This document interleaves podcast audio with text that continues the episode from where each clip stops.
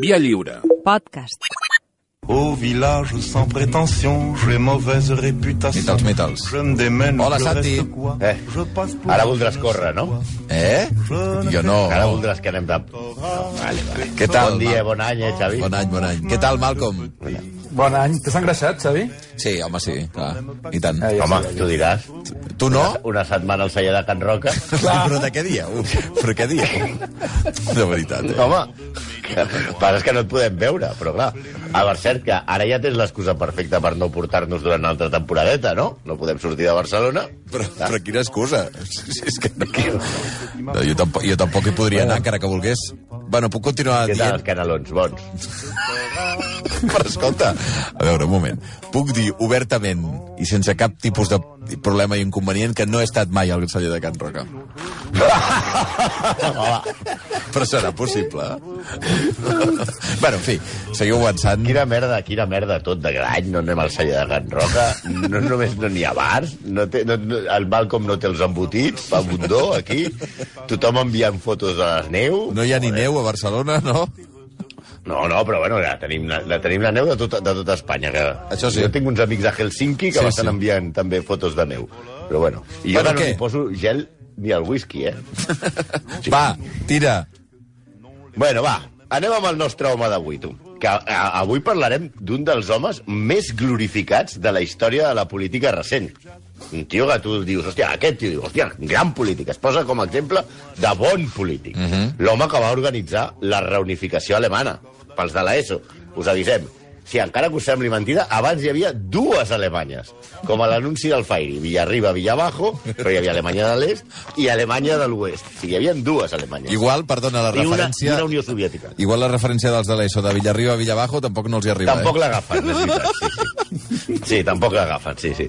Vale, eh, parlem d'un home que va ser un dels artífics de la Unió Europea moderna, aquesta que s'han patat els anglesos, del Tractat d'Amsterdam. Un estadista d'aquells pota negra que va estar tant de temps en política que semblava que no marxaria mai. O sigui, pels alemanys, el nostre home d'avui, que és Helmut Kohl, era com Josep Lluís Núñez pels alemanys. Semblava que no marxava mai, no?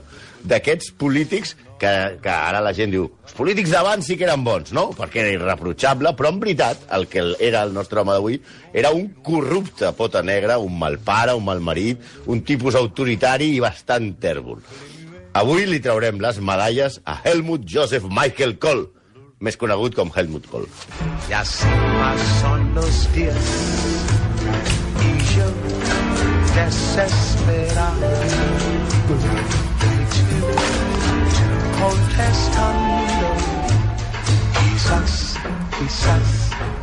No, veig, eh, no la veig venir, aquesta, eh? No, no tinc ni la més remota Hombre. idea de quina és la vinculació amb Helmut Kohl. Primer, primer, la cançó està bé, Sí. qualsevol cosa és impròpia de nosaltres, sí. ho sé.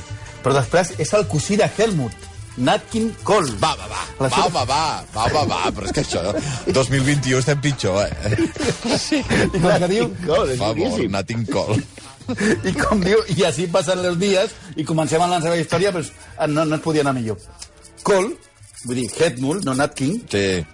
neix a. Ludwigshafen, am Rhein, que és, com tothom sap, un lloc que abans estava a Bavària i ara està a Renània-Palatinat.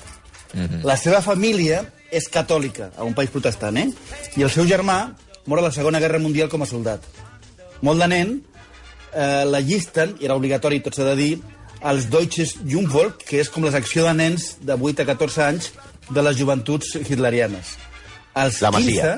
15, la Masia. És la Masia de, dels nazis. Als 15 va jurar la seva entrada a les joventuts eh, hitlerianes davant eh, Arthur Axmann, que és un important oficial nazi, que va acabar muntant un centre turístic a Canàries durant el franquisme. És la lada inútil del dia. Però a Helmut, el, el nostre, el que li agradava era la política i als 16 anys es va apuntar eh, el que s'acabava de crear el Partit Demòcrata Cristià d'Alemanya, que és la CDU. De fet, va ser un dels fundadors de la secció juvenil del partit. Helmut, tu què vols ser de gran? Polític? No, normal. Clar, amb 20 anys ja intenta entrar a la directiva del partit a, a la zona de Renània-Palatinat, però perd les primàries i es queda fora. No com aquí, que perds les primàries i ets el candidat. I si les guanyes et canvies de partit. Si diguem que això, a Alemanya funciona d'una altra manera. Sí, és veritat. Tot i així, perd les primàries, però mou tots els seus contactes i aconsegueix un lloc a la directiva com a delegat del seu districte. Amb els anys va pujant d'esglaons al partit i amb menys de 40 anys, quan era un proto Albert Rivera, ja era ministre-president de l'estat de Renània-Palatinat. És a dir, era el president de la Generalitat de Renània-Palatinat i, a més, el vicepresident federal del partit. Ja estava preparat per ser candidat a la cancelleria, per manar molt. Però com tota la vida s'assembla al Barça, hi va haver un embolic. Hi havia un candidat més fort, de Baviera, que es deia Franz Josef Strauss, i que era el líder del partit germà, el CSU.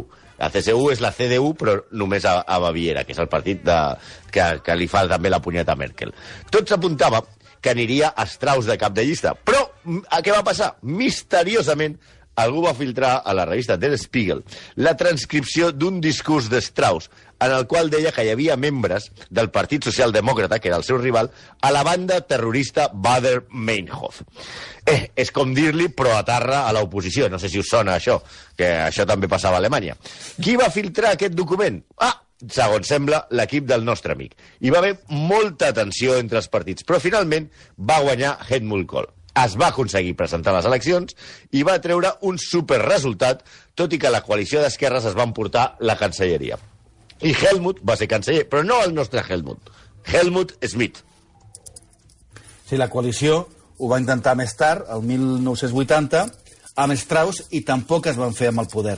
Però l'any 82, Kohl i els liberals del FPD van fer una moció de censura i Kohl va arribar al poder. El curiós d'aquest cas és que el, l'FPD, eren, que eren, eren els liberals, eren els socis que havien portat a Smith al, al poder i fins i tot havien fet campanya junts. Vull dir que això de la política catalana, que és molt complicada, no, res. Tot molt estrany. Però el raro ve ara. Kohl volia convocar eleccions el més aviat possible, però això era molt complicat legalment. Així que va buscar una esquerda a la llei que deia que si el govern perdia una moció de confiança, una moció de confiança, s'havia d'anar a eleccions directament. Llavors, un mes després de jurar el càrrec, va perdre intencionadament una moció contra ell. Els seus socis es van abstenir i va convocar les eleccions que va guanyar. És una cosa que és com arreglar un partit, que el dir que Gerard Marcar-se un gol a pròpia va porta. Un gol a pròpia porta. Va fer el mateix el 2005. Vull dir que ja hi ha un patró. Ah, però això, jo em pregunto, els alemanys no eren els polítics seriosos? La reina de esta historia, Ui, la que cambió su trono por un poco de oratoria. eh? Aquesta és horrible, eh? Oh, però què és aquesta rima?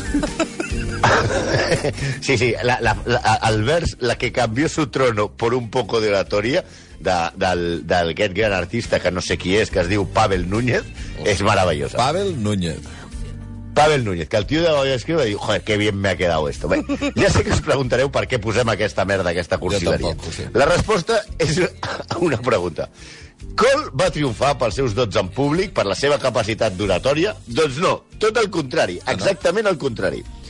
Els de, els de, els de l'EGB recordaran que fa molts anys ja es feien uns acudits amb Fernando Morán, que era un ministre que va estar en el primer govern de Felipe González, Sí. precisament a l'època on puja Col. Que aquest home, a, en els acudits, sempre el posaven com el ximple, i no tenia res de ximple, però era, era com una mica els acudits de l'EPE, eh, però personalitzant-los amb, com una campanya per, eh, per fer que aquell home semblés tonto, ¿no? És allò de, senyor Morán, eh, que llega, llega Morán a, a Estocolmo y le dicen cero grados, qué bien, ni frío ni calor. Acudits d'aquests idiotes que es feien amb Fernando Morán. Bé, doncs bé, aquests acudits a Alemanya es feien amb Helmut Kohl. Els diaris es reien d'ell, li deien que era un provincià, es reien de la seva manera de parlar, del seu llenguatge simple.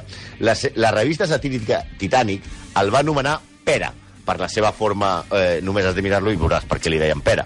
Ja, ja. I, I des de llavors va- li va quallar el sobrenom del Pera, que sembla també el que porta els autos de xoque a Sant Adrià del Besòs, el Pera, el Xuli, el Mangui, el Paja, i tot aquest, però no, a ell li deien el, el Pera, que en alemany és Birn, i tothom el coneixia com a tal. No confondre amb el nostre Pere, l'aragonès, que no té res a veure. Ni el Joan. El seu, bi... el seu biògraf, Hans Peter Schwarz, escriu que, obro cita, no era precisament un intel·lectual i no tenia carisma. Va, tela, no. O sigui, perdona, eh? No té Sí, res, no té res. Li va dir, li va dir Hans Peter, déjame bien, no te preocupes, que yo te escribo la biografía. Voy para allá. Aguántame el cubata. en grups nombrosos, es quedava callat, clar, perquè era el Mut Col. Va, I prou. Buah, aquesta porqueria de, de no, no va enlloc, això, eh? Estem en un 2021 realment fluix, fluix, fluix, eh? Bueno, que seguim amb Hans. I Hans deia... A mi m'ha fet també- gràcia. Doncs a mi no. El mood call, per favor. El Mutcol. Prou. Tira, va, per Hans, favor. Hans Peter diu que sempre que quan hi havia gent semblava perdut i feble i mirava la càmera com desemparat. Només era bo en petits grups. Al principi del, del, del seu mandat no sabia de política, però era educat i empàtic i guanyava les distàncies curtes. Després es va fer, es es va fer en- endurint i es va fer esquerp i va començar a tractar malament a qui treballava amb ell. Es va tornar maleducat i arrogant. Un altre, un, un altre periodista, John Sturó, que és del Deutsche Welle, diu que Kohl va ser, obro cita, un egòlatre, egocèntric i cregut. Rebutjava aquells que no el recolzaven incondicionalment. Una joia, eh? Se- Se'l recorden a la seva obra de govern per diverses coses. Per exemple, per no, per no estar a favor de... de no va anar al, a la commemoració del, del 50 aniversari del desembarcament de Normandia. Va autoritzar la col·locació de 522 euromissils apuntant a la Unió Soviètica. 522 euromissils, eh? No, no jo, poca cosa, no. 522. Que bèstia. Eh, el, el, seu, el seu predecessor en el càrrec, Helmut Schmidt, l'altre Helmut, s'havia negat a, a, a posar-los, la OTAN li demanava, fins a tenir el suport dels països europeus que són veïns, com Bèlgica o els Països Baixos, que no li deixaven i no va fer. Sorprenentment, quan, uh, quan Kohl va decidir posar els euromissils, qui li va donar suport contra els criteris dels socialdemòcrates alemanys, per sorpresa de tothom, va ser qui? El flamant nou president espanyol Felipe González. Felipe González havia arribat al poder, entre altres coses, perquè la SPD, el Partit Socialdemòcrata Alemany de Willy Brandt i Helmut Schmidt, l'havien ajudat molt, havien fet molta campanya a favor del PSOE i havien posat fins i tot molts quartos. Marx es deien abans, pels de l'ESO. I van sentir aquest suport de Felipe González a Helmut Kohl com una traïció. Felipe els hi havia dit que s'havia enterat per la premsa o que d'entrada no, com a la OTAN, i que, i que ja se sabe. De fet, eh, les relacions de Helmut Kohl amb, amb Espanya, en política, són bastant nombroses. No només amb Felipe González es va portar bé, sinó que era molt amic de Jordi Pujol. I també serà recordat pel seu paper a la reunificació alemanya. Hi havia dues postures, la de fer-la a poc a poc o la de fer-la de cop. La de Helmut era la de de cop i amb inversió i diners. I va ser modèlica, la veritat, en molts aspectes. Però el PIB per càpita, encara avui, és un 20% més baix a la part que equival a l'Alemanya oriental que a la occidental. I els sous en aquesta part també avui són un 14% més baixos. Amb la reunificació en aquell moment, un terç de les empreses van tancar, unes 3.700 empreses. I dos terços es van privatitzar, però acomiadant el 80% dels treballadors. En 4 anys, 3 milions de persones van perdre la seva feina. La popular... Això, clar, la popularitat de Kohl va caure en picat. Al març de l'any 90, Kohl va, va parlar en Augustus Platz de Leipzig, que encara es deia encara Karl Marx Platz, davant de 300.000 persones. Quatre anys més tard, tot just 4.000 persones van sortir a escoltar-lo a Leipzig. El van xiular i fins i tot li van llançar ous. Sí, ous amb pera. Però la seva taca política es va descobrir un any després de retirar-se, quan guanya Gerhard Schröder. Kohl va reconèixer que havia rebut directament 100.000 marcs per finançar la CDU. Yep. No sembla massa, però però Helmut es va negar a delatar els noms d'altres empreses que van aportar molts diners secretament, però els seus companys de direcció de partit van reconèixer, van posar la xifra en milions d'euros. Gairebé sempre eren empreses afavorides amb les privatitzacions de la que va fer l'Estat a la reunificació alemanya. No sé si us sona ara perquè era tan amic de Jordi Pujol. La seva relació amb Angela Merkel, a qui, a, a qui al principi ell va padrinar i li deia la meva noia, es va refredar en aquell moment quan ella li va retreure i li va dir que havia fet molt malament, no delatant les empreses que li havien donat els diners. Alemanya començava a semblar-se o al Palau de la Música o a la Marbella de Gil Gil. El 2021 serà l'any del trap eh, el, Em temo els que sí. execrables? Ostres, tu, de veritat, eh? Em temo, em temo molt que sí. Vale, vale. Contigo yo me presto para ser infiel. Molt bé, Hem molt ben d'agafar la, a la gent jove. nota. Hem d'agafar els, a- És que no té autotune, no té hem la d'agafar els juvenils. Ja, ja, ja, ja. Públic juvenil. Però anem, al, anem al, amb, amb l'home més íntim. Quan tenia 18 anys i la seva dona tenia 15, li va demanar matrimoni, encara que van trigar alguns anys en casar-se. Ella havia tingut una infància molt dura eh, i molt trista. Als 12 anys va ser violada per uns soldats de l'exèrcit rus, que després la van llançar per una finestra com si fos un farcell. De gran, a més a més, va desenvolupar una malaltia que li impedia estar exposada a la llum solar. O sigui, que aquesta dona, la, la veritat és que va patir molt a la seva vida. El matrimoni, a Alemanya, representava la família catòlica perfecta. Eh, ella vivia la majoria del, del temps a aquest poble, al Ludwigshafen, i ella a Bonn. Però sempre apareixien a les, a les revistes i als diaris, a la tele, feliços com la família perfecta. Però la veritat és que ella semblava un tros de casa. Kohl li va posar un apartament a la seva secretària, Julian Weber, a Bonn. Per si no s'entén, l'apartament era per cardar. No és que fos esplèndid i que es preocupés pels seus treballadors. S'ha Eh? entès, s'ha entès, s'ha entès. Sí, sí. Sí, no és allò que un dia Helmut Kohl anés a casa de la seva secretària i digués ostres, com pots viure aquí, que no hi ha ascensor i tal? Espera, que et poso un, poso un un apartament. Ah, pues, i, i, i, clar, i, i l'apartament era Ponte Mari, també. Però és igual. Després de la unificació, Helmut es va traslladar a Berlín i va començar aleshores una relació amb un economista que es deia Maike Richter, que era 34 anys més jove que ell. La seva dona estava, que ho sabia, estava cada cop més dolguda i deprimida. Però quan ell perd les eleccions el 1998, va pensar que el seu marit tornaria per fi a casa. Però ell no ho va fer i es va quedar a Berlín. La seva dona, enmig d'una depressió, es va suïcidar l'any 2001. fotis. I va deixar 20 notes de comiat i una carta d'amor. Helmut, aleshores, es va casar amb Maike, que era una dona també al tanto amb la Maike, que és la, la, la segona dona de Helmut Kohl. Una dona gelosa i, diguem-ne, suaument rareta.